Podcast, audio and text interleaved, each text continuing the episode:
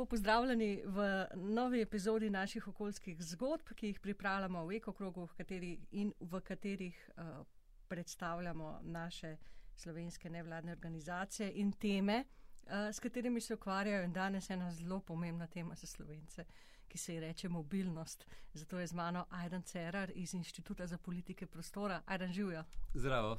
Dolg časa smo se lovila uh, in sem res vesela, da se končno srečava in da se bova končno lahko pogovorila o tej tako obširni temi, ne, ki sem jo skušala potem skrajšati uh, in uh, si, sem si izbrala par takih pomembnih vprašanj, za katere se mi zdi, da so uh, v tem trenutku za nas pomembne. Seveda boš pa ti povedal, če še kaj takega, kar sem pozabila. Um, kako uh, kako uh, potujemo v Sloveniji, kako potujemo do služb, kako potujemo do opravkov, kako potujemo po obiskih in tako naprej, vse to danes. Ajdan za začetek, rekla sem, prihajaš iz Inštituta za politike prostora. Uh, prej smo se pogovarjala, 15 let približno uh, že obstajate. Koliko časa si ti že zraven? Kar dolgo, ne? Dolgo, dolgo. Um, na IPOP-u sem uh, približno 10 let, recimo. Uh -huh. Um, ja, inštitut pa obstaja že dobrih 15 let in vsa ta leta se ukvarja s temami povezanimi z uh, mesti, povezanimi z urbanizmom, bivanjem in tako naprej. In ene izmed tem, s katerimi se ukvarjamo, je gotovo promet, že od samega začetka. Uh, poleg tega pa veliko pozornosti namenjamo še uh, trajnostnemu razvoju v kontekstu mest, uh, skupnostnemu sodelovanju v mestih in predvsem to, kako izboljšati kvaliteto življenja v mestih in tudi manjših krajih, seveda. Zdaj te bom čisto na kratko ujela za tole besedo, ki si jo, uh, oziroma tem izrazom, ki si ga uporabil, trajnostni razvoj v kontekstu mest. Ja. A mi lahko na kratko poveš, kaj to pomeni? Vprašanje, če ja. lahko na kratko. ja, no. Ampak povem. konkretno, recimo za meščana, kaj to pomeni? Ja, um, tudi na, na ravni mest so določeni elementi trajnostnega razvoja lahko bolj izpostavljeni. Gotovo je ena izmed uh, takih, uh, o kateri bomo tudi danes mm. govorila, promet, mobilnost in tako naprej. Pa vendar to ni edina. Ne? Tudi v, v mestih je veliko vprašanje, uh, kako živimo, koliko energije uh, porabimo za to, na kakšen način sodelujemo, pa tudi v končni fazi pridejo lahko v spredje tudi precej družboslovne teme uh -huh. v mhm. tem kontekstu. Povedal bom eno, ki se zdi meni precej pomembna zadnje čase, s katero se veliko ukvarjam, koliko se ljudje med sabo poznajo, ratuje vse pomembnejše, tudi v kontekstu trajnostnega razvoja, še bolj pa v kontekstu klimatskih sprememb. Namreč zaradi klimatskih sprememb je v mestih več izrednih dogodkov in v teh izrednih dogodkih se vedno znova izkaže kot zelo pomembno, kako ljudje med sabo sodelujejo, mm. koliko se poznajo in to je tudi nekaj, kar narekuje, na kakšen odziv, na kakšen način se mesta na te dogodke mm -hmm. odzivajo in to je tudi neki napovedovalec, ali se na te dogodke odzivajo mesta boljše ali slabše. In slabše pomeni pač jasno uh, večja materialna škoda, lahko tudi več žrtev in tako naprej. Koliko je res skupnosti ostalo? Ja, o seveda, tem govoriš? Seveda. Uh -huh. Uh, to je tema čisto za, za nekaj drugega, greva midva na mobilnost. Um, vroče poletje smo imeli letos, ne? sušno vroče poletje, požare smo imeli in mislim, da so tudi zadnji podnebni skeptiki ugotovili, da je, da je zmanjkalo goriva za nje.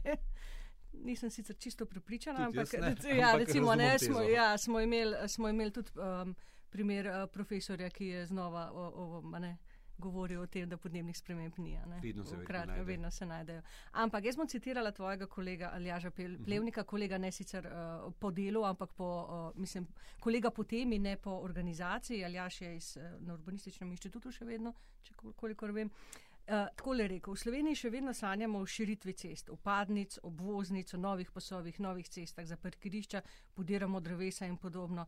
Mimo grede, uh, letos poleti so padla drevesa pri stari Iliri v Ljubljani, to sem se dobro zapomnila, sem se vozila mimo.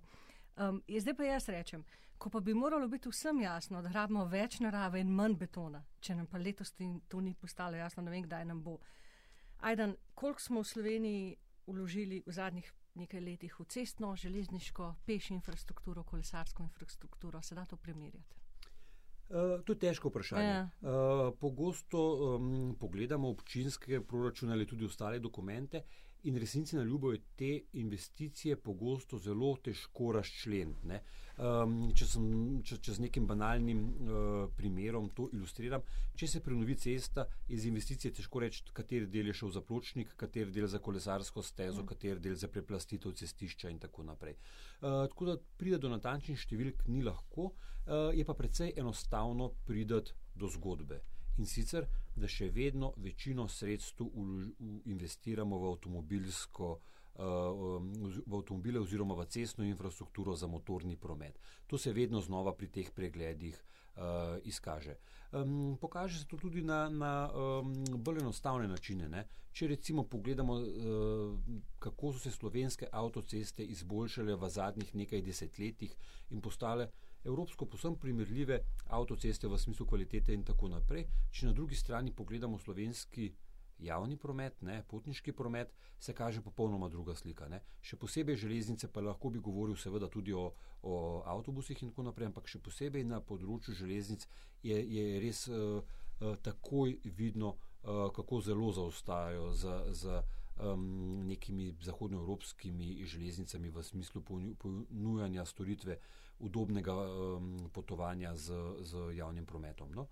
Um, zadnja leta sicer več vlagamo uh, v kolesarske steze, predvsem se opazi, uh, po celi Sloveniji se izboljšuje kolesarska infrastruktura, kar je zelo dobro, tudi v površine za pešce in tako naprej, vendar ne moremo mimo tega, da je na prvem mestu še vedno avtomobil in to na račun vseh drugih. Mm. Na račun vseh drugih pomeni na eni strani v smislu prostora, da vzame, zauzame zdaleč največ prostora. Če pogledamo katero koli uh, cesto tu okoli, vidimo, da je pešcem in kolesarjem namenjenih nekaj metrov, uh, avtomobilom recimo 10 metrov ali kaj takega.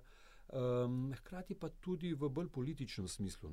Um, še posebej imamo, imamo veliko primerov um, cest v uh, naseljih, ki, ki so relativno oske, mogoče sploh nimajo pločnikov, kolesarske steze in tako naprej, pa vendar dopuščamo visoke uh, hitrosti potovanja, recimo 50 na uro. Mm. In to ni um, strokovno vprašanje, to je politično vprašanje, komu damo prednost. Komu damo prednost hitrosti potovanja uh, avtomobila ali varnosti ostalih udeležencev. In tudi tukaj na tem področju smo še precej avtocentristični, če lahko uporabim ta izraz. Uh, uh, in tako v finančnem, kot v tem smislu uh, avtomobil postavljamo visoko um, pred ostale načine potovanja, kar pa ni vedno čisto logično. Uh, podatki kažejo, da je 50 odstotkov vožen z avtomobilom krajših od 2 km. In to so razdalje, ki jih večina ljudi lahko prehodi mm. ali prekolesari relativno enostavno. In če bi te ve, večji delež teh potovanj na kratke razdalje opravili peš uh, ali s kolesom, uh, Eh, bi bilo tudi na cesti manj zastojev, manj gneče in manjša bi bila potreba po širjenju cest oziroma, oziroma investiranju denarja v nove uh, cestne povezave. Tu je precejšen manevrski prostor, uh, kjer, lahko, kjer lahko spreminjamo potovalne navade. Se je zanimivo, ne? se mi zdi, da kar vsake, ča, vsake toliko časa v takem, uh, v takem rednem zaporedju se pojavijo te ideje o širitvi te obvoznice, pa o širitvi te opaznice, pa potem znova zamrejo te ideje oziroma se jih ne sliši toliko in vsakeč znova nevladne organizacije opozarjajo, ne vem, če ga je ta izraz, ta izraz mi je zelo všeč, uh, če greš hušat, ne kupiš večjih hlača, ne, ne vem, je to izraz. Uh, Greenpeace ali ne vem, celo vas, ne vem, kdo se tega prvi spomnim. To je uh, mednarodni izraz, ki pa tako. tukaj odgovoril s tem, da to ni samo mnenje eh, nevladnih ja. organizacij. Večji del sodobne eh, prometne stroke so povsem strinja, da eh, če širiš ceste, dobiš več avtomobilov. Več prometa, ja. To lahko tudi veli, bolj strokovno razložimo, ampak to tudi v Sloveniji potrjuje tako teorija kot tudi praksa. Teorija gre približno takole. Vsi poznamo ljudi, ki se v Ljubljano vozijo ob nemogočih urah. In če jih vprašamo, zakaj rečejo, zaradi tega, da se izognemo gneči. Drug tip ljudi, ki se izogne gneči, tako da uh, vozi po nekih cestah, ki jih, ki jih ne poznamo, nekih manj znanih cestah, imajo neke bližnjice, uh, grejo čez neko polje in tako naprej. In znova, če jih vprašamo, zakaj se vozijo tam, rečejo, da zaradi tega, da se izognejo gneči. Če mi cesto do tega kraja, deva, deva čisto, uh, da, bo, da bo lažje govoriti z brdom žale, razširimo, je prva um, uh, sprememba, da ti dve skupini, začneta ljudje, ki so potovali zelo zgodaj zjutraj, da bi se izognili gneči, začnejo potovati ob običajnih urah. Tisti, ki so potovali po nekih neznanih poteh, začnejo uporabljati novo cesto. In tako se delež prometa takoj poveča in ta izboljšava širše ceste je takoj nekoliko nekolik zmanjšana. Ne? Vendar pravi val pride nekoliko kasneje. Ko se ljudje začnejo seliti. Namreč, posebej v državah, in to žal za Slovenijo velja, ki nimajo stanovanske politike, oziroma dolga leta niso imele stanovanske politike, in se, kar se pri nas kaže, stanovanja zelo dražijo, oziroma so že zelo draga, še posebej v Ljubljani. Iščejo ljudje nove strategije, kako priti do cenejših stanovanj, in ena izmed teh strategij je kupovati stanovanja v okoliških krajih v, v regiji, ki so z cesto dobro povezana z Ljubljano. Dokler to naredi nekaj ljudi, ni noben problem. Ko pa to naredi neka kritična masa ljudi, se pa ta nova cesta, ki naj bi rešila problem zastojev, znova um, napolni s prometom, točno tako, kot se je prejšnja. Namreč, koliko potujemo, je psihološka meja, tam nekje med 45 minut in eno uro. In cesta se napolni s prometom, tako da se ta potovalni čas nekje približa tistemu, uh, kjer je bil predtem, preden se je cesta razširila, uh, le da je na njej bistveno več avtomobilov. In s tem širjenjem ceste vedno znova uh, vrtimo v tem začaranem krogu. In če hočemo videti, kam ta začaran krog pelje, pogledamo ameriška mesta, ki so se v tem začaranem krogu znašla že pred um, več desetletji. Ta začaran krog pripelje do tega, da mestu ni ničemer več podobno. Mm. Okrog in okrog in čez mesto je ogromno uh, avtocest, vsako leto jim dodajo nove vozne pasove in govorijo, ta vozni pas bo rešil primer gneče in jasno nikoli ga, ga uh, ne reši. Uh, na drugi strani je v mestu vedno večja potreba po parkiriščih, tako da na koncu mesto postane ogromno parkirišče in avtocesta. Um, Razdalje med hišami se, se povečajo, hoja in kolesarjenje je rata še manj uh, prijetna, zrak še bolj nasnažen, še več ljudi se vozi z avtomobilom. In, in še več jih uceljuje. In še več jih uceljuje, ni več uh, nobenega razloga za živeti v tem mestu, ker je res neprijetno. In tako se znajdemo v nekem začaranem krogu. Na drugi strani imamo tudi obratne primere mest, ki so se odločile ta začaran krog prekiniti že pred desetletji in gremo odlično. Uh, Kopenhagen, Amsterdam in ostala uh, znana mesta, ki so začela omejevati avtomobilski promet in na drugi strani izboljševati pogojo, z, pogoje za peš hojo, za kolesarjenje in seveda uh, um, uh, veliko so investirala in razvila za res dober uh, sistem javnega, javnega prometa.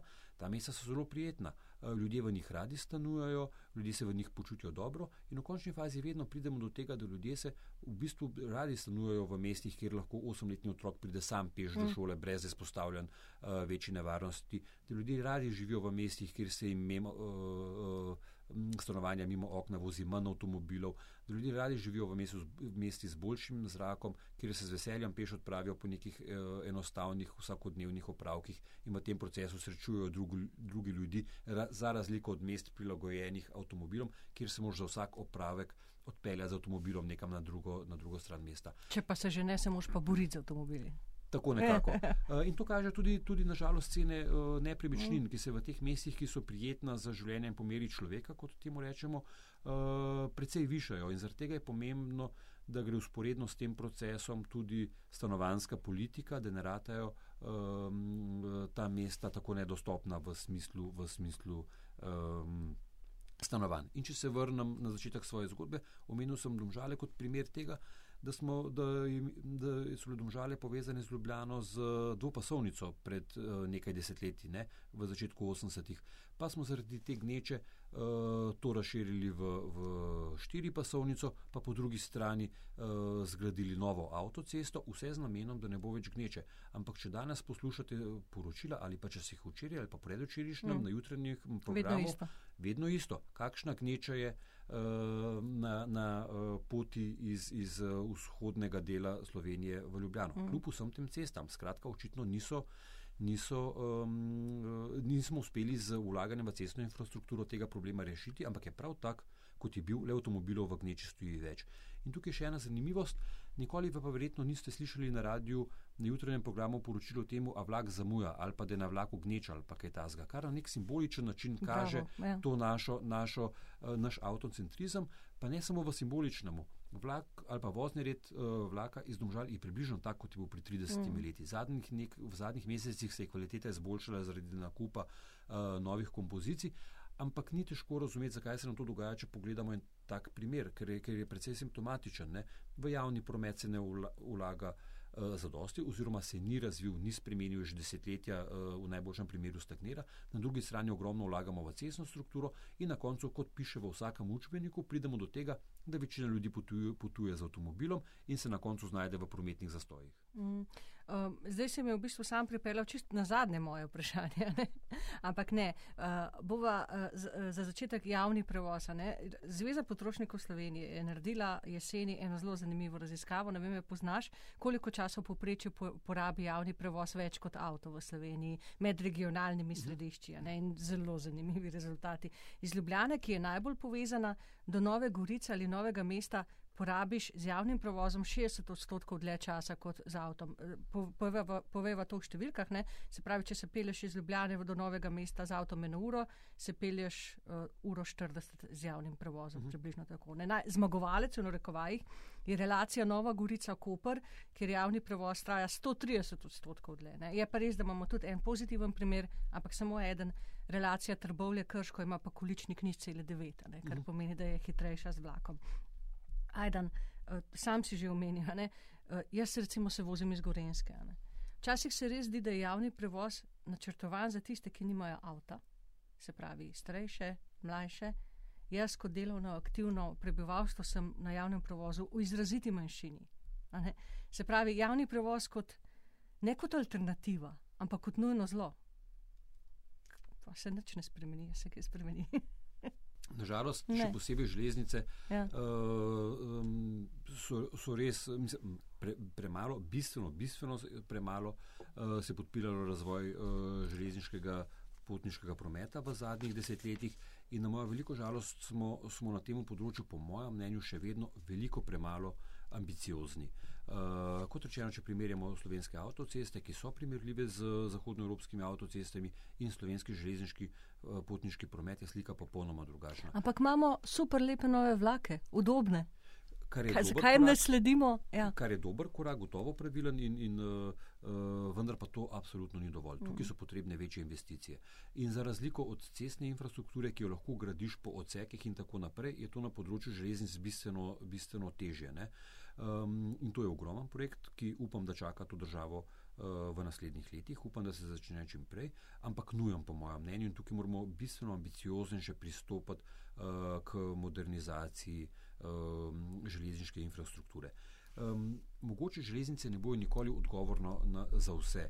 Nekdo ima pač tako delovno mesto uh, in, in lokacijo bivanja, da ne moremo vsakega stanovanja povezati z železnico. Vedno bo nekdo padel skozi. Vendar pa um, veliko večji delež zaposlenih v Ljubljani bi se lahko vozil um, na delo uh, iz, iz regije, če bi bila železnica boljša. Ampak že zdaj vemo, da, je, da so kapacitete mestoma zelo zasedene, da so kapacitete, koliko ljudi lahko železnica sploh pripelje, oziroma javni promet pripelje zjutraj v Ljubljano, omejene in precej zasedene. Um, Hkrati pa tudi, ja, tukaj je še ogromen manevrski prostor na področju hitrosti potovanja, na področju frekvence, da bi bil to takni vozni red, kar pomeni, da bi šel vlak uh, vsakih 15 minut ali pa nekaj takega, in v smislu obdobja potovanja. Ker ljudje v končni fazi, če lahko sedijo na vlaku, od, ve, vemo, da je pomemben delež delovnih mest danes omogoča tudi delo z vlaka v končni fazi. Uh, ljudje začnejo svoj delovnik z odgo, odgovarjanjem e-poštnih sporočil mm. in tako naprej. To se da tudi na vlaku. Ljudje so zadovoljni, če lahko na vlaku nekaj naredijo oziroma se udobno vozijo uh, in tako naprej ampak če kot ste rekli, je potovanje dvakrat daljše ali pa nekaj tasga, od ljudi ne moremo pričakovati, oziroma zelo veliko ljudi pričakovati, da bodo uporabljali javni promet, ker, to, ker so res te pribitki na času potovanja. Zelo velike v končni mm. fazi. Ljudje ne izbiramo, da bomo mučeniki javnega prometa. Želimo pač priti v službo. Seveda. In uh, ve se, da nekateri uh, deli regije ali pa, ali pa države so z javnim prometom zares slabo povezani in tam težko pričakujemo mm uh, od ljudi, oziroma jih prosimo zelo veliko, če jih prosimo, ko uporabi uh, javnega prometa, ki je v obliki storitve na tako um, nezavidljivo nizkem nivoju. Ne. Kolegica, ki živi na podeželju, uh, me je upozorila še eno, na eno slovensko posebnost. Ja, rešuje, rešujejo se prometne zagate v mestih, eh, ne, tudi z dobrimi primeri, imamo jih v Sloveniji veliko. Kaj pa podeželje? V Sloveniji je mobilnost na podeželju izrazito pa res samo vezana na avto. Zakaj se je to zgodilo? Več je razlogov. Um, Gotovo je eden izmed razlogov, da slovensko podeželje je precej razpršeno v svoji poselitvi. Uh, in tu gre z roko v, v roki z uh, avtomobilskim načinom potovanja. V smislu, um, če večino denarja vlagaš v cestno infrastrukturo, se ljudje selijo razpršeno, ker tudi potujejo oziroma pričakujejo, da bodo iz novih bivališč potovali uh, v mesto z avtomobilom. Ne? Um, in ko se začne ta, ta uh, razpršena, razpršena gradnja oziroma razpršena poselitev, uh, ko se nadaljuje, ko pride do nekega, ne, nekega uh, nivoja, je tukaj zelo težko uh, to razpršeno poselitev povezati z javnim prometom, ker vemo, da javni promet je odvisen od tega, da ljudje živijo relativno mm. skoncentrirano, tudi na podeželju. Ne? In potem je pač središče te vasi povezano z neko hitro ali pa dobro uh, povezavo in jo lahko ljudje uporabljajo. Ne? Če pa vsak živi uh, uh, nekoliko stran od, od uh, soseda, mogoče celo na, na, na robu gozda ali pa kaj tasga, je pa to bistveno teže.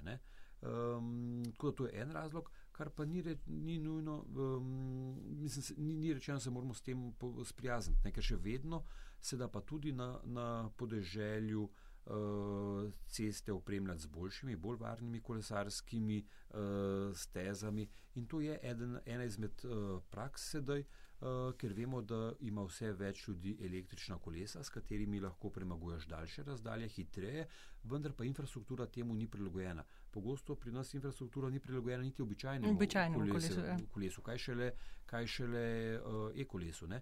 Pa vendar vidimo odlično prakso v tujini, da se gradijo kot neke hitre kolesarske povezave, več metrov široke, um, lahko bi rekli ceste, namenjene kole, kolesom, eh, kole, uh, potovanju s kolesom. Ne? In tam so od mlajših kolesarjev s hitrimi um, kolesi, ki, ki lahko hitro premagujejo razdalje tudi 5, 10, 15 km, do kolesarjev, ki uporabljajo e-kolesa in znova lahko upora, uh, um, premagujejo bistveno, bistveno uh, daljše, daljše razdalje. Um, lahko, zdaj, vmes je prišel mi v glavo medklic, pa te bom vprašala, ni povezan, točno s tem je povezan s kolesarjenjem. Ajdan, kaj misliš o praksi uh, mest, uh, ki so na cesti zarisala na cesti kolesarsko stezo v obe smeri in so s tem pridobila kolesarske površine? A, veš, o čem govorim? Vemo, ja. vem, vem. Aj, um, je to smiselno?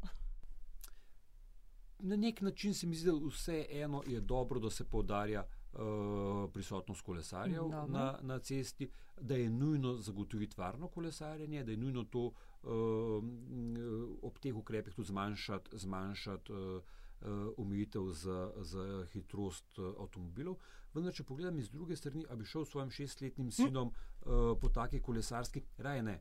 Se ne bi počutil varnega. Ja. Zaskrbljen. Ja. In um, tukaj se mi zdi, da, da, smo pa, da smo pa nekoliko zgrešili. Še mm. posebej, ker pogosto vidim ta način zarisovanja kolesarskih stez na ceste, ki povezujejo recimo središče mesta z soseskami, mestoma tudi novimi soseskami. Sama živim v taki soseski. Namenjeni uh, družinam na nek način. Ne? In tukaj mislim, da bi mogli biti bolj ambiciozni, mm. no? da, da uh, moramo zagotavljati varno in udobno uh, kolesarsko infrastrukturo. Uh, in to pomeni tudi infrastrukturo, po kateri se bo lahko sedemletnik, sam, ne sam, sedemletnik v spremstvu staršev, vendar na svojem kolesu varno pripeljal uh, nekam. In ja, v mestih je prostor omejen in je treba mestoma tudi uh, prostor um, vzeti avtomobilom mm. v končni fazi. Mm. Ampak, če gremo na prejšnji podatek, ki sem ga omenil, da uh, je v mestih uh, pomemben delež potovanj kratek, krajši od, od uh, dveh km, celo od enega km in da po drugi strani uh, velja recimo za podatek, da je povprečna zasedenost avtomobila 1,2 potnika. Ne? Uh, ni več toliko samoumevno, da mora imeti avtomobil v prostor na cesti, ker, ker prvič tudi avtomobili potujejo na kratke razdalje, ki bi jih lahko premagovali z ostalimi načini potovanja, in drugič, ker so avtomobili zelo prostorsko potratni. potratni. Avtomobil zasede pač ene, med 5 in 10 metrov v smislu, koliko prostora na, na, na cesti in dobro 2 metra v širino, da se v tem prostoru vozi en človek. Mm.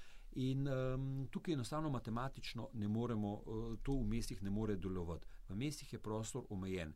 Tudi če širimo ceste in tako naprej, se slejko prej pridemo do neke omejitve, do uh, hiš, do cele linije hiš, ki bi jih mogli podirati in tako naprej. Um, in če bi, ni mesta, ki bi lahko absorbiral količino avtomobilov, če se hočemo vsi voziti na, tudi na kratke razdalje z avtomobili. Mesta enostavno tega prostora nimajo.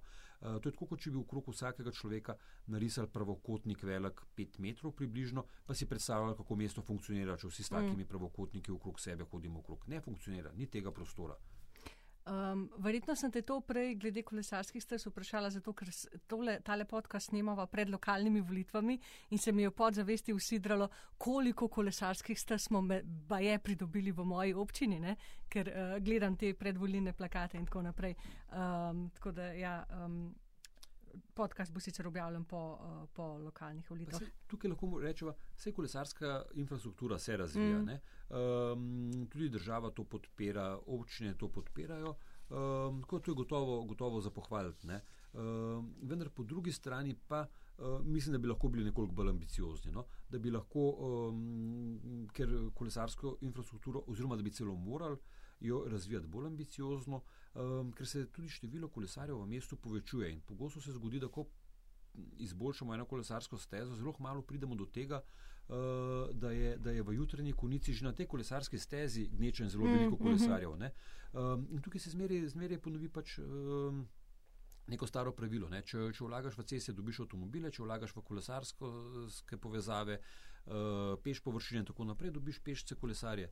Um, in bi morali biti tudi bolj ambiciozni v smislu, da se bo, da se bo število tovrstnih potovanj še povečevalo, hkrati pa ne smemo zanemariti tudi nove oblike uh, mikromobilnosti, temu rečemo v mestih, uh, eskiroje in tako naprej. Tudi zaradi teh uh, uh, novih oblik uh, mobilnosti se je pritisk na kolesarske steze jasno uh, povečal. Uh -huh.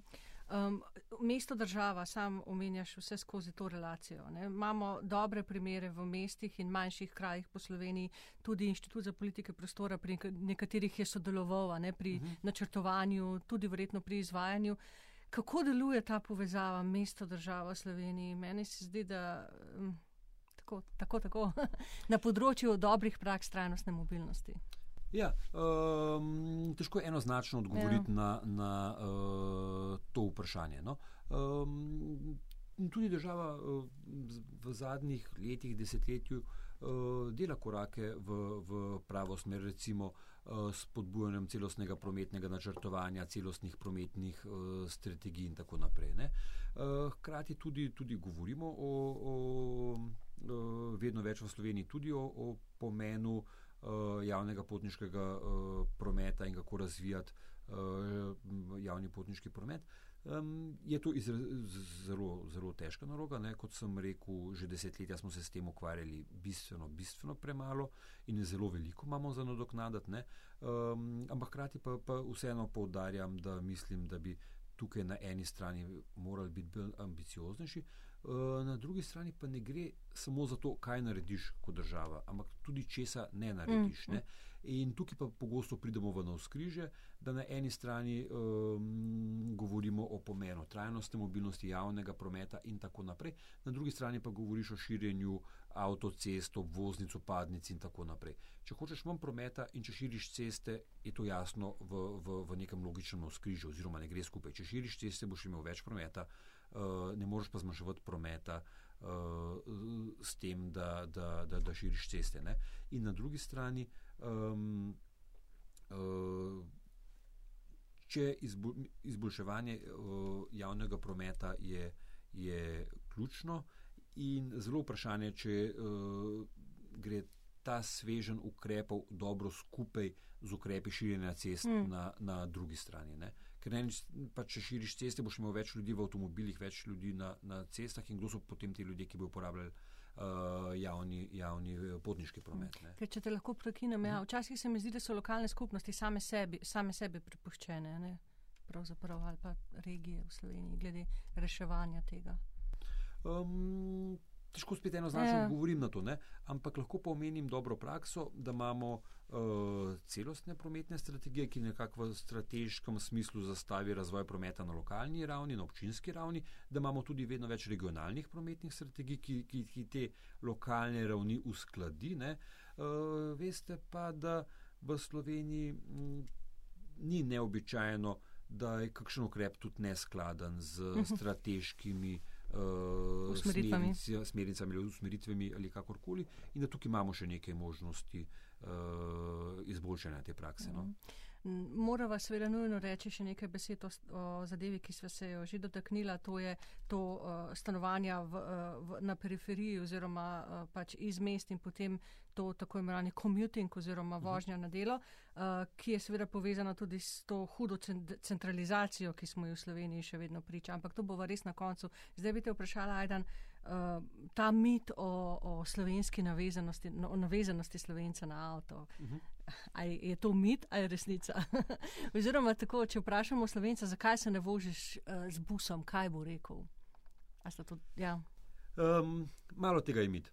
Ja. Uh, malo tega je mit. Um, ljudje v končni fazi, kot sem že prej mal, mal načel, um, ljudje imajo radi uh, ulice brez mm. avtomobilov. Ljudje se radi sprehajajo po mestih uh, uh, ali pa delih mest, kjer ni avtomobilov. Ljudje imajo radi, da lahko njihovi otroci uh, hodijo sami do, do šole ali uh, kaj podobnega. Ampak se ti ne zdi, oprosti, ker te prekinem, a se ti ne zdi, da je to ta tipična misel, da morajo drugi nekaj narediti, zato se bom jaz imel bolje, jaz se pa svoje stvari ne bom odpovedal? Ne, nujno. Ne. Uh, pač težko odgovorimo ne. z nekim generalnim odgovorom tukaj, vendar ne. Poglejmo, pač, um, recimo pomemben ukrep mi, ali pa svežen ukrep se mi zdi prilagajanje uh, me, ljubljanskega mestnega jedra uh, pešcem. Uh, Eh, to je nekaj, preden so ti ukrepi nastopili, smo pogosto slišali, um, s tem v Sloveniji nima smisla. Slovenci se radi vozimo z avtomobilom, to je nekaj, kar pritiče zahodnim mestom uh, in tako naprej.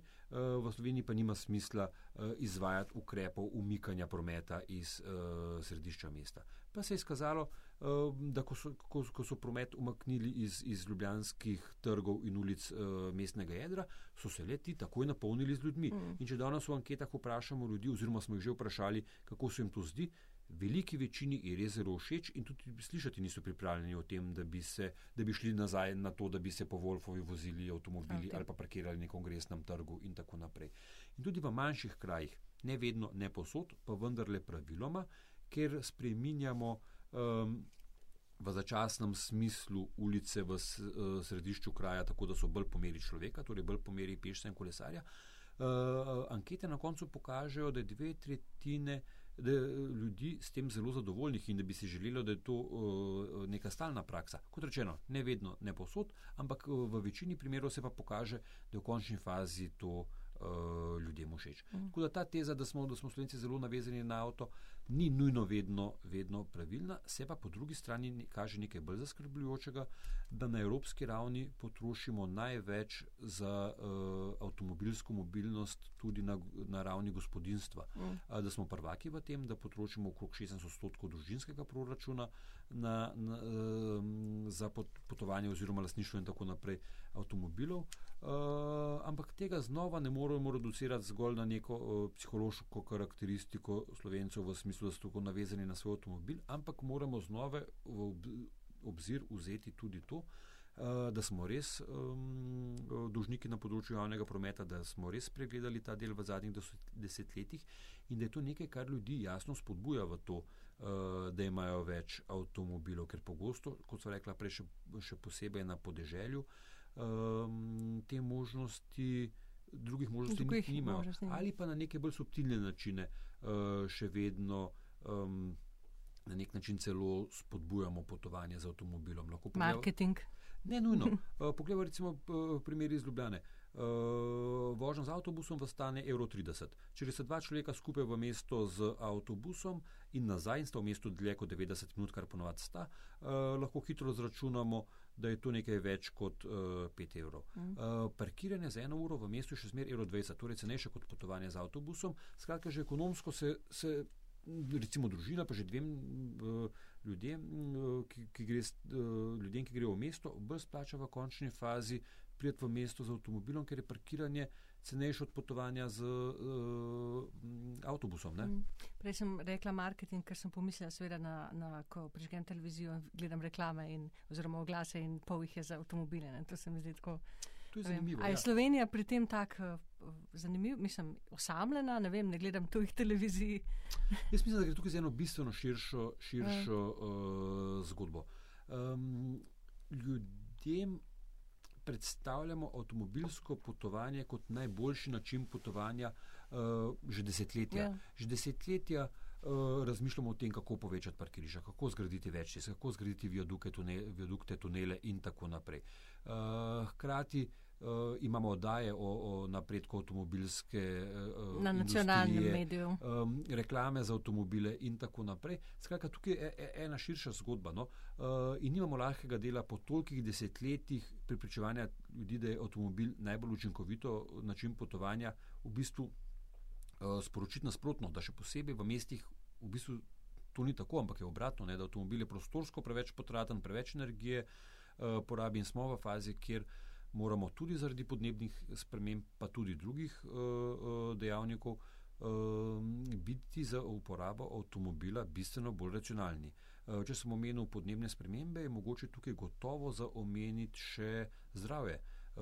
Vemo, da je, da je avtomobilski promet odgovoren za skoraj polovico izpustov toplogrednih plinov v Sloveniji in vemo, da za razliko od ostalih uh, sektorjev avtomobilski oziroma sektor prometa še vedno kot, kot eh, vir izpustov narašča in to je mm. zelo zaskrbljujoče. In to, kako slab zrak dihamo v, v mestih, je, goto, je v, v precej pomembni meri posledica pretirane uporabe avtomobilov. In tudi to pomemben razlog, da, da um, število avtomobilov na naših cestah iz, enostavno iz stališča uh, kvalitete zraka, ki ga dihamo, pač, da to število avtomobilov zmanjšuje. Ni več vzdržno. Ja, se pravi, in izpusti, eh, in tudi prašni delci. Ne, ja, seveda, mani, ja. seveda. Tud, tudi pogosto se ne upošteva um, prašni delci v smislu porabe pneumatik, uh, uh, delovanja zavor in tako naprej, ampak vse skupaj kot celota. Uh, je, je uh, zelo zaskrbljujoče v smislu vpliva na, na naše zdravje. Mi se mm. mogli tega bolj zavedati in zaradi tega tudi, tudi um, izboljševati na eni strani uh, možnosti potovanja z drugimi prometnimi sredstvi in, in uh, tudi na račun avtomobila. Uh, ker če vprašamo ljudi, še posebej, kadar potujejo na kratke razdalje, zakaj niso raje uporabljali kolesa, bo dal zelo smiselen uh, odgovor. Zato, ker se mi zdi, ker ali ni primerne infrastrukture, ali pa ker se mi ta infrastruktura ne zdi varna. varna. To, kar sem prej rekla, mm. da mogoče s svojim sinom raje ne bi šel po. po, po uh, Eh, kolesarski, ki je narisana po cestišču. Ne, eh, ne razmišljam tako samo jaz, ampak še marsikdo. In da bojo lahko ljudje za te kratke poti uporabljali eh, kolesa oziroma hodili peš, je treba bistveno izboljšati varnost teh potovanj. Ne. Čakava torej na oglas v prime timeu za super nova kolesa za mestna potovanja, na mesto tretje vrste, ne vem katerega avtomobila, pa za nove avtobuse, ki smo jih dobili v tem in tem mestu, ne, oh, ko bomo to dočakala. Ajde, kakšna dobra praksa, da ne bova samo ne, kritizirala. Ja, ja, ja. Um, Potrebujeva primer dobre prakse v Sloveniji. Se teh dobrih praks ja. ni, ni malo. Uh, Prejšnji sem že omenil, uh, to zapiranje uh, ljubljanskega mestnega jedra za promet je po mojem mnenju uh, zelo pomembno v smislu tega, da se je skazalo, da je to nekaj, kar lahko naredijo tudi slovenska mesta.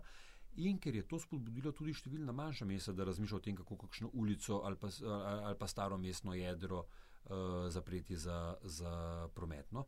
In tukaj mogoče se tudi izkazalo, pač to, kar sem prej omenil, da to večinoma ljudem zelo všeč v končni fazi. Ne? Mogoče imamo pred nastopom to vrstnih sprememb nekaj strahu, jasno, to je v naši, naši naravi, uh, vendar le, ko se ljudje uh, teh sprememb navadijo, je ponavadi delež tistih, ki jim je to všeč, uh, bistveno večji kot delež tistih, ki jih ni. Hkrati je gotovo tudi, tudi dobra praksa. Uh, Eh, razvoj kolesarske infrastrukture in gradna novih uh, kolesarskih povezav, tako v mestih, kot tudi na, na regionalni ravni, oziroma na, na, v drugih delih države, tudi, tudi um, podeželju. In tako to je gotovo ena, ena uh, dobra praksa. Um, potem pa še množico različnih um, lokalnih praks, ne, kjer se. Kjer se uh, um, izboljšuje pogoje za, za hojo in kolesarjenje, in na drugi strani um, ali zmanjšuje hitrosti vožnje z avtomobili in tako naprej. Uh, mhm. IPOP je sodeloval v Velenju pri uh, študiji uh, rodarske ceste. Uh mhm. -huh. In jaz sem si izpisala, kaj so potem na koncu, ko je to poskusno obdobje, uh, da je šel promet samo v eno smer, tako ste preusmerili nekak promet in več prostora dal pešcem in kolesarjem. Kaj so ljudje potem rekli? Uh, kaj je za njih pomembno, kaj jih res zanima? In to je zelo zanimivo če primerjava s tem, o čemer smo govorili zdaj, mm. torej navezanost ljudi na, na avto. Ne. Ljudi zanima pomembnost dostopnosti za vse uporabnike, tu, tu so tudi parkirna mesta za gibalno ovirane, pomembnost zelenih površin sence, pomembnost urbane opreme, to pomeni klopce in uh, tako naprej, uh, koši za smeti, pitnik.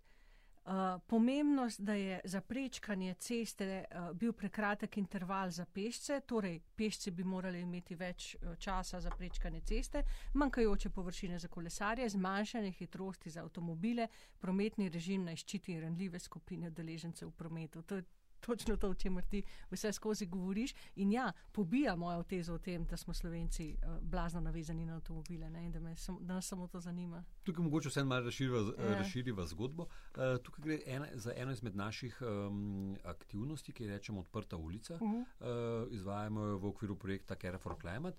Uh, in um, proces gre približno takole. Občina se prijavi z izbrano ulico, mi v začasnem smislu skupaj z občino uh, rečemo temu dizajn te ulice spremenimo in opazujemo, kaj se, kaj kaj se, dogaja. se uh, dogaja. In na drugi strani veliko govorimo z ljudmi, ali jim je ta nov dizajn všeč ali, ali ne. Sestrska kampanja je šolska ulica oziroma območje varnih prihodov v šolo. To pomeni, da izbran šolski okoliš ali pa v izbranem šolskem okolišu spremenimo na nek hiter način uh, prometni režim tako, da je boljši za boljši, varnejši za otroke, ki v, ho, v šolo uh, hodijo peš. In znova vidimo, kaj se zgodi in kako so ljudje s tem zadovoljni in kaj, kako to vpliva na način potovanja otrok v um, šolo. In um, večinoma se pokaže, da je ljudem to všeč, čeprav v Velenju se ni. V Velenju se ni, v ostalih krajih so bili pa ljudje z novim, z novim uh, um, prometnim režimom oziroma novim dizajnom te. te uh, ulice zelo zadovoljni in to naredimo zaradi tega, da tudi zmanjšamo neko politično tveganje. Rečemo temu. Pogosto se odločevalci bojijo spremeniti ulico na način, da bi bila boljša za pešce in kolesarje, ker to na omejenem prostoru pomeni omejevanje avtomobilov ponavadi. In se bojijo revolta. Seveda. In uh, na ta način to m, probamo z nekimi hitro izvedljivimi uh, ukrepi, gre za precej um, ugodno v smislu, v smislu investicije, ne, uh, uh, ugoden poskus, in potem vidimo, kaj se zgodi s prometnimi tokovi, merimo to, kaj se zgodi z uh, številom vem, parkiranih vozil, v vsakem, v vsakem primeru merimo nekaj drugega, tisto, kar je v tem primeru relevantno. Vedno pa govorimo z ljudmi in izvajamo ankete in tako naprej. In uh, na podlagi tega upamo, da se bo ulica tudi v dolgoročnem smislu pri naslednji uh, prenovi uh, na podlagi te prakse spremenila tako, da bo bolj varna in bolj prijetna za pešce in kolesarje. In to se dogaja. Um, mogoče kot, kot z, z, zadnja občina, kjer smo sodelovali, omenjam um, občino Tolmin, kjer smo v mostu na Soči z nekimi hitrimi ukrepi spremenili uh, Eh, šolski okoliš na podoben način, omejili dostop za avtomobili do šole in tako. In to bo zdaj tam ostalo do nadaljnega, za stalno. Pri tem, da gre za nek svežen, relativno preprostih ukrepov. Uh, predlani smo odprto ulico izvajali v, v Škofi Loki na šolski ulici in šolska ulica je že drugačna, kot je bila pred nekaj leti. Letos ima novo poslikavo in um, spreminja se v smer, da, da je uh, bolj varna za, za uh, pešce. Uh, in tako naprej. Bile so še, bile so še drugi kraj, ampak gre za to, da poskusimo nek, za nekaj tednov, govorimo o tednu, dveh uh, ali pa vsak konec tedna, spremeniti prometni režim in opazujemo, kaj se s tem mm. zgodi in kako se ljudje uh, odzovejo. In kot sem rekel, v večini primerov se odzovejo zelo pozitivno. Mm. Ne vsi, seveda, vendar večina. Ja, res je to, kar praviš, da se ljudje vseeno potem navadimo. Ne? Jaz se spomnim, da sem bila deset let ali še več nazaj v Gradcu na neki ekskurziji na temo mobilnosti. In tam so nam pokazali nekaj, kar je bilo takrat za nas znanstvena fantastika, mešani prostor. Uh mhm, -huh, tam, kjer uh -huh. si motorizirani promet deli, pa pešci, pa kolesari, vsi in se vsi zmenijo, nobenega znaka, ničesar. Ko smo prišli v Ljubljano in smo to predstavili, so, je bilo, ha, ne? Zdaj je, imamo, seveda, v Ljubljani mešani prostor, ki deluje povsem normalno. To je ta območje okoli glavne pošte na Je, ja. slovenski. Ne? To je zelo dober primer. Jaz se spomnim predstavitve uh, skupnega prometnega prostora, torej Ja. ja. Shared Space, predno so ga v Ljubljani uvedli, Ja. ja. kjer, je bilo, kjer, kjer so se ponavljali odzivi, to je pri nas povsem nemogoče. Tako, tako. Uh, poškodbe bojo tako. tako. in tako naprej. Ne. Res uh, črnogledo, ne. ampak ko se je to enkrat uveljavilo, se, se je izkazalo, da se nismo toliko zelo drugačni od drugih in tudi pri nas prometni prostor v končni fazi čist dobro deluje. Hkrati smo pa pozabili, da v bistvu smo vsi že prometni prostor videli kdaj prej. Tudi preširno mm. trg je v končni fazi kot nek neformalni skupni prometni prostor funkcioniral že pred desetletji. Um, in še marsikaj kakšna druga, druga uh, ulica. Tako da, ja, to se mi zdi pre, uh, dober primer in to dobro, to, kako se čez nekaj let navadimo. In če danes vprašamo ljudi, um, če bi šli na prejšnji na, način uh, urejanja prometa na slovenski. Na zadnje, ko, ko, ko sem videl podatke o tem, je bilo recimo, da manj okrog 10 odstotkov Mhm. recimo, nezadovoljnih, uh, medtem ko na drugi strani je med 85 in 90 odstotkov uh, ljudi s tem zelo zadovoljnih. Pa zelo zanimivo je, ne, na začetku, ko se je ta, uh, uh, ta um, uh, proces začel uveljavljati, smo se mi zdi zelo iskali čestni stik, ljudje, pogledal si voznika v avtobus, če ti bo ustavil in tako naprej. Zdaj se mi zdi, da gremo tam čez že kar tako, ne, sploh ne pogledamo več, ne, to res, res je, vse privadimo. Ajdan, za konec najnega pogovora bi, te, bi se vrnila k teli uh, centralizaciji Slovenije in, in, in migriranju na delo in po drugih upravkih, pa bi te izvala. Uh, recimo, bi ti dala primer Avstrije ali pa kakšne podobne uh, države, kjer je poselitev tudi tako razpršena, ne, o tem si prej govoril. Uh, a imaš kakšno dobro prakso iz teh držav, kako oni rešujejo to migriranje uh, na drugačen način? Ne? Prej sem omenila. Ja, mogoče, če lahko bi začel par korakov nazaj ja. in rekel bi, da se vsaj meni osebno uh, ideja decentralizacije zdi v za, zadnje čase v pogovorih nekoliko preveč poudarjena. Nekoliko preveč rešitev vidimo v, v Mm. decentralizaciji. Um, Dajmo primer, zmislil si ga bom. Enega državnega inštituta, ki zaposluje 100 ljudi in je lociran v Ljubljani. In rečemo, da bomo začeli te uh, to vrstne inštitucije locirati tudi druge, da ne, bo, da ne bo vse v Ljubljani. Pa preselimo ta inštitut, rečemo, da v, da v Kran. Ja. Kaj se zgodi? Prej na tem inštitutu delalo 100 ljudi, 50 jih je bilo iz Ljubljane, izmišljujem si, 20 iz, iz uh, Grosuplega, 20 iz Vrhnike in 10 iz Kamnika. In če pri, preselimo, ta, preselimo ta inštitut v Kran, mm. se zgodi to, da je enemu deležu zaposlenih iz Gorenskega konca potovanje na delo bistveno bolj, boljše, večjemu delu pa Ja. pravzaprav uh, slabše v smislu, da sicer potujejo v kontrasmer gneči, vendar pa če so prej kot skupina naredili, zmislil si bom, 1000 km na dan, jih v naslednjem koraku 2000 uh, km na dan, skratka se število poti v bistvu s tem poveča. Uh, en tak hiter, sicer banalen, pa kljub temu primer, da ni vedno odgovor v uh, decentralizaciji. Jaz mislim, da premalo govorimo o uh, policentrizmu, še posebej v smislu storitev, da ti ni treba vedno za, za uh, opravljanje nekih, nekih opravkov, um, obiskov nekih, nekih storitev uporabljati avtomobila, da bi to moralo biti uh, uh, tudi v manjših krajih. Se pravi, manj, manjša. Ja, tako Ja, seveda. Eh. Vsi zadnji čas opazimo, da bom dal znova en tak vsakdanji primer, ampak zapiranje pošte v manjših slovenskih mm. krajih. Samo zapiranje pošte, mogoče še ne tako zelo, ampak ko je teh zadev malo več, ko tudi ni več trgovine, pa, pa uh, trafike, pa uh, še česa drugega, to sili ljudi, ljudi k temu, da se, da se bistveno uh, več vozijo uh, z avtomobili. Torej, tukaj um, um, poudarjam pač policentrizem kot vse eno, eno, eno, smiselno, eno smiselno smer. Drug del, pa, ki ga ne smemo spregledati, pa je, uh, da je ogromen neizkoriščen potencial tudi gradnja ob koridorjih javnega prometa, še posebej železnice. Izvara si me z avstrijskim primerom, recimo, poglejmo Zeštac Sosesko, še predno so jo zares začeli graditi, so že podaljšali linijo Mm. lokalne uh, železnice tako, da pride do soseske nova linija z frekventno uh, povezavo. Ne? In um, na tak način lahko tudi uh, soseske oziroma kraje ali pa novo gradno, ki ni v mestu, ampak je mogoče, mogoče v predmestu, pa kaj tasga, na učinkovit in hiter način povežemo z mestom. Ne se vemo, železnico z Ljubljana v desetih pri, minutah pridemo marsi, mm. kam v končni fazi. Ne? Pri nas pa pri novih gradnjah seveda parkirno mesto pok. Oziroma se, se celo pogosto zgodi, da ko ljudje enkrat že tam stanujajo, šele odpremo vprašanje, kako bodo ti ljudje pravzaprav ja, potovali, tako, kamor morajo tako, potovati. Tako. In šele takrat ugotovimo, da v, tukaj v okolici ni ene, enega trga, ene trgovine, uh, pošte ni skoraj ničesar in na drugi strani nobene uh, ponudbe javnega prometa. Uh, in na ta način se zelo otežujemo svoje življenje, no? ker, ker seveda tukaj potem v trenutku nastane skupek novih problemov, ki bi se jih pa do neke mere dalo predvideti in kot sem rekel prej, dalo tudi nasloviti že, že v koraku prej. Skratka, kar hočem reči je, da se moramo um, ob načrtovanju novih gradenj že v tej fazi ukvarjati tudi z vprašanjem uh, prometa, dostopnosti storitev in tako naprej. Mm -hmm. Da so to povezane vprašanja, ki jih je bistveno lažje reševati, povezano kot pa. Kot pa uh, uh, linearno. Prvo enega, pa pač šele ko nastopite, drug se vprašamo, kaj s tem. Mm. Se mi zdi, da v Sloveniji tako, zdaj bom rekla čisto lajično, tukaj sem se zapisala. Službe se, centra se centralizirajo, stanovanja se pa decentralizirajo, ker pač se selimo ven, ne? to je čisto lajično. Ampak se ti zdi, da v Sloveniji ta, ta, ta problem, ki ga s tem ustvarja, ustvarja ta način bivanja na področju mobilnosti, sploh naslovljen, razmišljamo o tem, kako močno je povezana mobilnost s stanovansko politiko.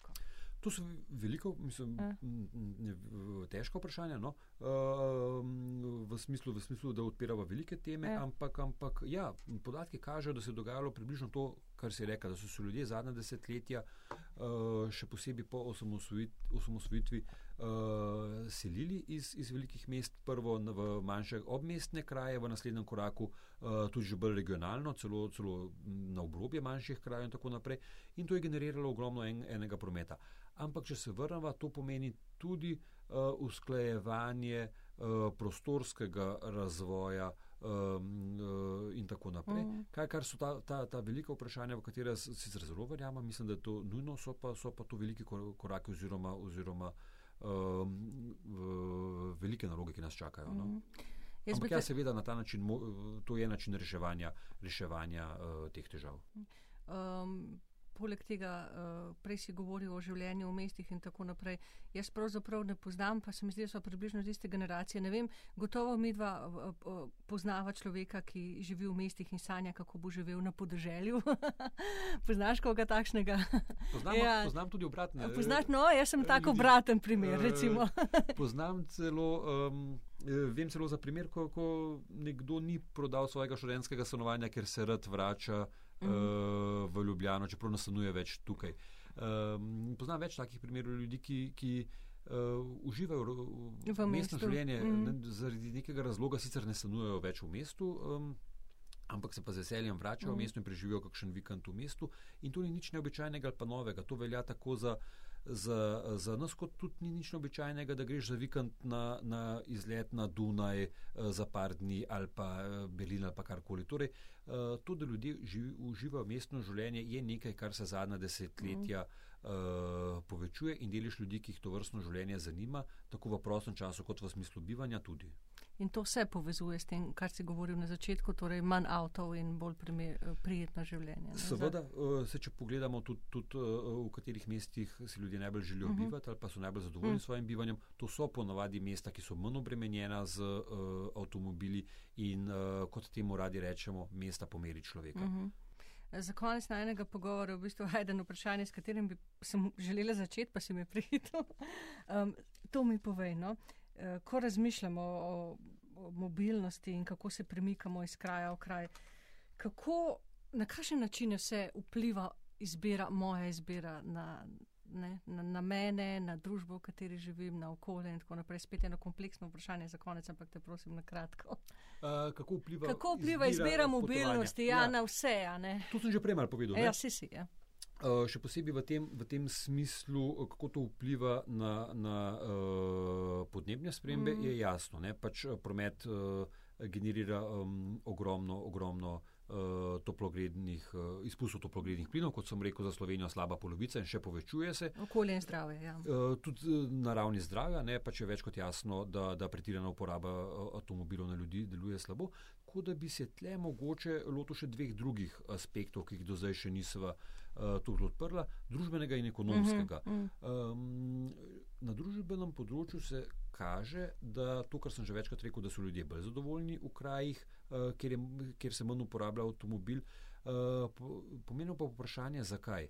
Raziskave kažejo, da število avtomobilov, ki se pripelje po ulici, pove, koliko se bo ljudje na tej ulici poznali med sabo. Več, ko, ko, ko je, večja, ko je, ko je, uh, več, ko je prometa na ulici, uh, manj vizije med ljudmi. Mm. Zato, ker jasno, ulica rata neko vlogo reke dobi ali pa nekaj tasga, nekaj, kamor ne greš čez, kamor ne pustiš otrok čez in tako naprej. In ljudje v končni fazi radi živijo v skupnostih, kjer, kjer imajo znance. Ne rečem prijateljem, ampak znance, kjer se z večjimi ljudmi poznajo, ker vejo, da v tistem bloku stanuje vodovodor, ki ga lahko pokličeš, ki na poti do trgovine sreče ljudi, se z njimi malo pogovarja in tako naprej. Ljudje imajo v končni fazi uh, to radi. In če je preveč prometa, je tega bistveno manj, zaradi tega, ker je ta ulica pač cesta namenjena avtomobilskemu potovanju, ljudje se ne ustavljajo, se počutijo neprijetno ob tej cesti, proba čim prej upraviti svojo pot, ali pa zaradi neprijetnosti te ceste pravzaprav že v štartu se svoje garaže odpeljejo mm, z avtomobilom mm, tja, kamor. Nekateri bi rekli slaba grejo. energija. Ne? Tako nekako, ampak, ampak to... raziskave ja, kažejo, da pač ljudje na ulicah z ogromno prometa probajo čim prej priti v mirnejšo ulico, da jim gre na živce in da se ne počutijo dobro, ja. kar niti ni tako težko ne, ni. uh, razumeti v končni fazi. Ne? Druga stvar je pa ekonomska. Kot sem rekel, da imajo taki kraji pogosto uh, više cene uh, stanovanj, s čimer se moramo ukvarjati. Hkrati se kaže pa tudi, da ulice, uh, kjer omaknemo promet, eno, enostavno zacvetijo v ekonomskem smislu. Logično, če se nekdo mem, pelje mimo lokala, prodajalne kakorkoli, z avtomobilom zelo verjetno ne bo uh, nekaj kupil. Ne? Uh, bistveno bolj verjetno, da to stori nekdo, ki gre mimo peš. Um, in uh, iz tujine poznamo raziskave, kjer se kaže, da ulice, kjer se je promet zmanjšal oziroma uh, omejil, na nek srednji rok že uh, bistveno povečajo uh, svojo ekonomsko uspešnost. Še posebej restauracije, lokali uh, in tako naprej. Ampak, če, se, če umaknemo avtomobile in če to privabi ljudi, se število ljudi bistveno poveča na neki ulici, ni težko razumeti, da se poveča tudi. tudi um, zaslužek tistih, ki imajo tam trgovine, lokale in tako naprej. In neke raziskave kažejo to tudi že na slovenskih primerih, še posebej ljubljanskih, uh, da so ulice, kjer se je promet umaknil, uh, oziroma lokali na teh ulicah, uh, bolj uspešni. Um, kar je zelo zanimivo, ne? ker pogosto, kadar umikamo kakšno parkirno mesto ali pa umirjamo ali pa celo umikamo promet iz kakšnih ulic, se tisti, ki imajo tam lokale, restauracije, uh, hitro pritožijo v strahu, da se jim bo promet zmanjšal.